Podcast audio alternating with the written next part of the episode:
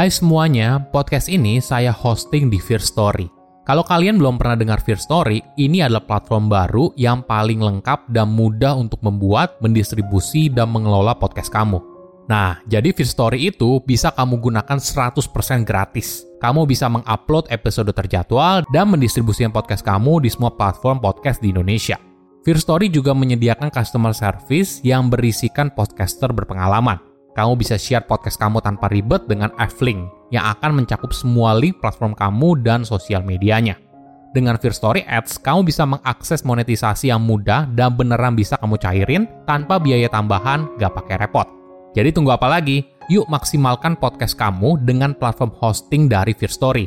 Daftar sekarang di fearstory.me dan buat podcastmu jadi kenyataan.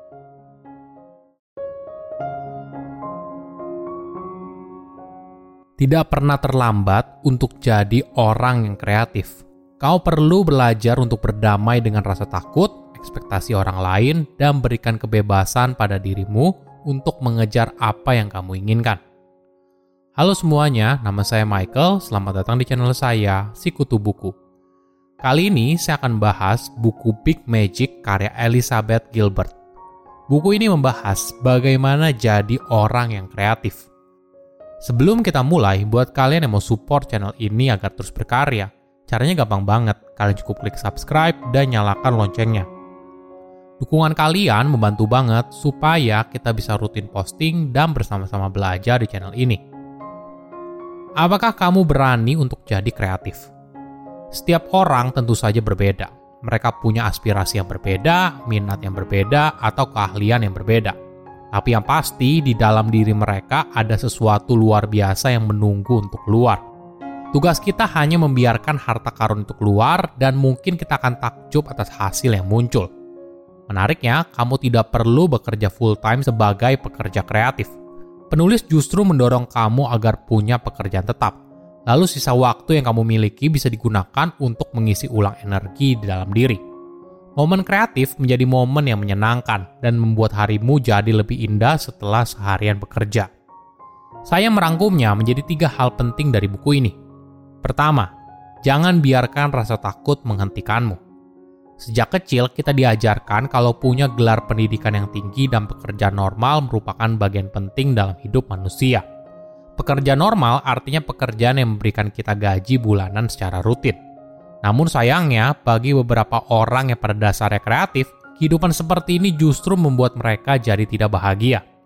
Menjalani hidup sebagai orang yang kreatif sering kali menjadi pilihan yang sulit karena dunia membentuk masyarakat seperti itu.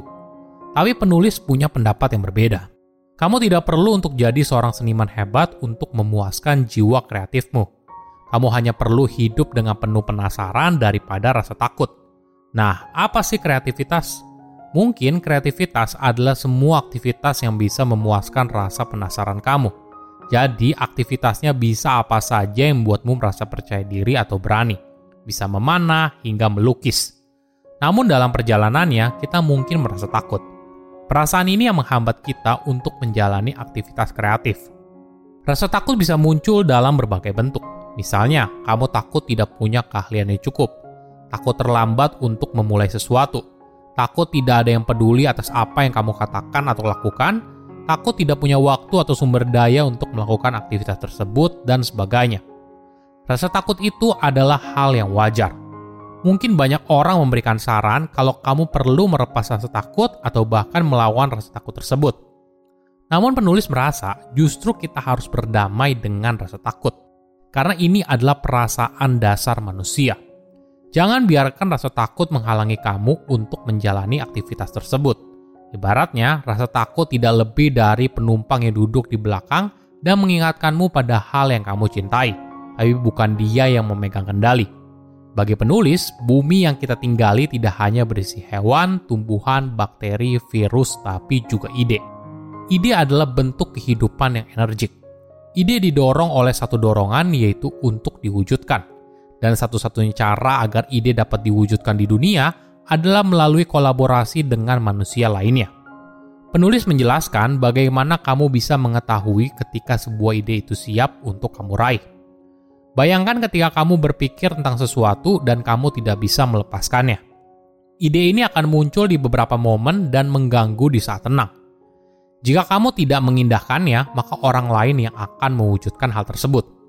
Penulis mengalami hal ini secara langsung dengan salah satu temannya yang merupakan sesama penulis.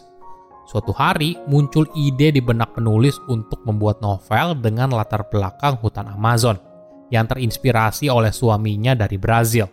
Karena satu dan lain hal, ide itu tidak ditindaklanjuti. Penulis harus meninggalkan ide novel tersebut dan melanjutkan proyek lain.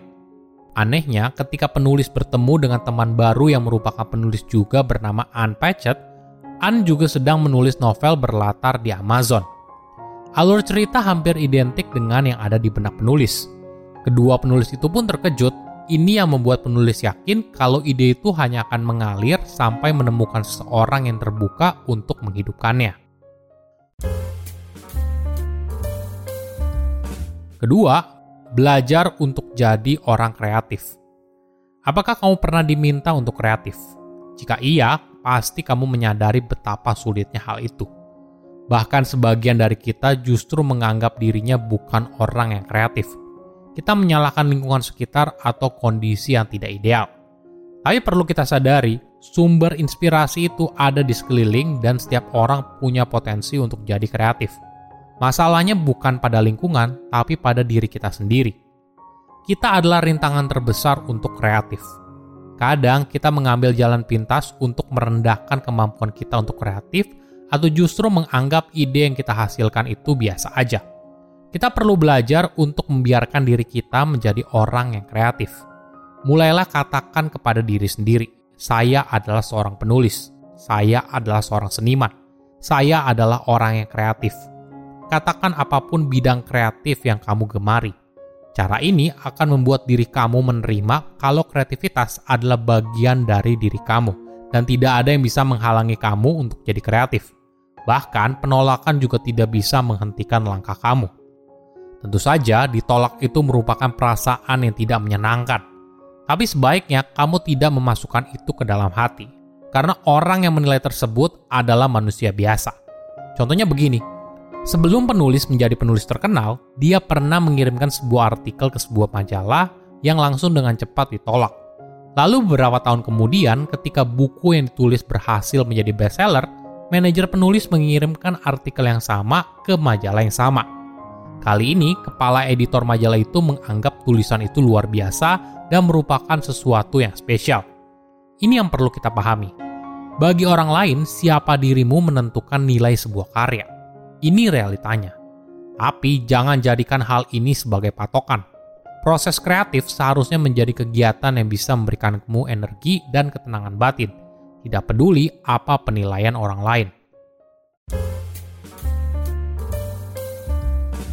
Ketiga, menjadi kreatif tidak perlu full time. Orang yang kreatif sering kali dilihat sebagai seorang yang tidak punya pekerjaan yang layak. Mungkin saja pekerjaan yang mereka tekuni sering kali freelance atau part-time. Tapi ketika seseorang berusaha hidup dari pekerjaan kreatif, itu juga punya masalah sendiri. Ibaratnya begini, jika kamu memaksa aktivitas kreatif untuk bisa menghasilkan uang, ibaratnya seperti kamu sedang berteriak pada seekor kucing kucing itu tidak akan tahu apa yang kamu bicarakan. Kemungkinan besar kucing itu justru takut karena suaramu yang keras dan wajahmu yang tegang. Penulis menyarankan agar kamu tetap punya pekerjaan utama sebagai fondasi yang bisa mendukung aktivitas kreatif. Ada contoh menarik dari penulis J.K. Rowling. Sebelum dirinya dikenal sebagai penulis novel Harry Potter, Rowling memulai karirnya sambil bekerja. Jadi dia bekerja normal lalu menghabiskan waktu beberapa jam untuk mengerjakan proyek kreatifnya. Aktivitas itu menjadi ritual untuk meningkatkan energi. Ini yang perlu kita pahami. Tidak semua orang mungkin bisa hidup sebagai pekerja kreatif. Tidak masalah, jika pekerjaan utama kamu bukanlah seorang pekerja kreatif, bukan berarti kamu tidak kreatif. Menjadi kreatif tidak perlu jadi full-time job Kau bisa gunakan momen ini justru untuk mengisi ulang energi di dalam diri. Momen kreatif menjadi momen yang menyenangkan dan membuat hari kamu jadi lebih indah setelah seharian bekerja. Silahkan komen di kolom komentar pelajaran apa yang kalian dapat ketika baca buku ini. Selain itu, komen juga mau buku apa lagi yang saya review di video berikutnya. Saya undur diri, jangan lupa subscribe channel YouTube Sikutu Buku. Bye bye.